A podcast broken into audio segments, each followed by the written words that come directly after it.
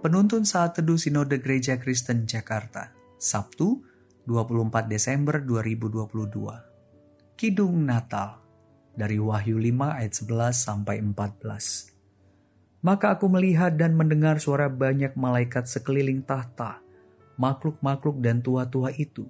Jumlah mereka berlaksa-laksa dan beribu-ribu laksa. Katanya dengan suara nyaring, Anak domba yang disembeli itu, layak untuk menerima kuasa dan kekayaan dan hikmat dan kekuatan dan hormat dan kemuliaan dan puji-pujian.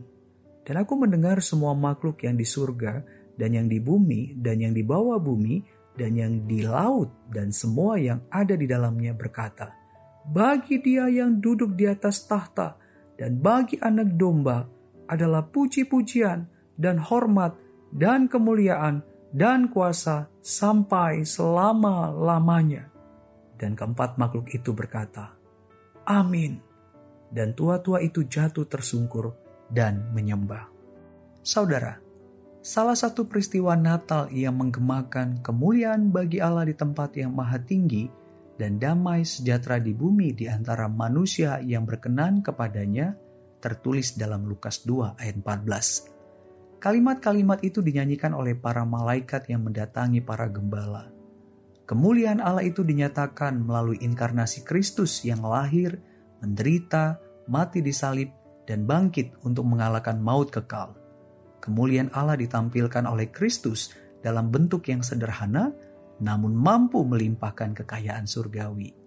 Memiliki keterbatasan, namun mampu membawa kepada kehidupan tanpa batas kemuliaan Allah adalah tema utama dari Kidung Natal para malaikat. Saudara, Rasul Yohanes melihat para malaikat, makhluk-makhluk tua-tua menyuarakan pujian penghormatan kepada Sang Anak Domba Allah.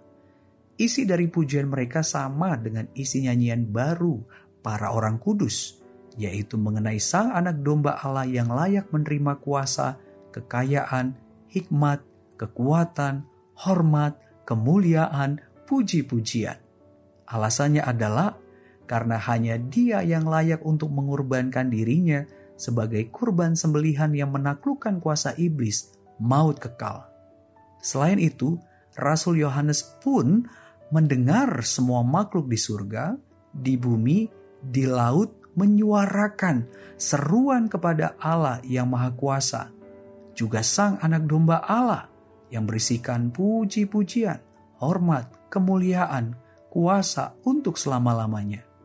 Pemuliaan dari semua makhluk itu ditujukan kepada Allah Trinitas, Bapa, Anak, Roh Kudus, Allah yang Esa, Bapa yang merencanakan karya keselamatan, Kristus Sang Anak yang menggenapkan keselamatan, Roh Kudus yang melahir barukan umat tebusan Kristus supaya menghidupi keselamatan dari Allah kemuliaan Allah adalah tema terutama dari puji-pujian orang-orang kudus, tua-tua, para malaikat, makhluk-makhluk.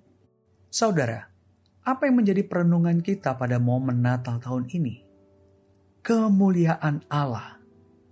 Jika kita mau merendahkan hati di hadapan Allah, maka lihatlah bahwa firman-Nya yang tertulis sangat kaya menceritakan tentang kemuliaannya bahkan dari mulai kisah penciptaan yang sangat kental dengan kemuliaan Allah, sampai kitab Wahyu pun mengumandangkan kemuliaan Allah. Dari awal sampai masuk ke dalam kekekalan, Kidung Natal adalah tentang kemuliaan Allah, bukan tentang kemegahan diri kita. Yang patut kita syukuri adalah kemuliaan Allah mampu melimpahkan kekayaan surgawi kepada kita.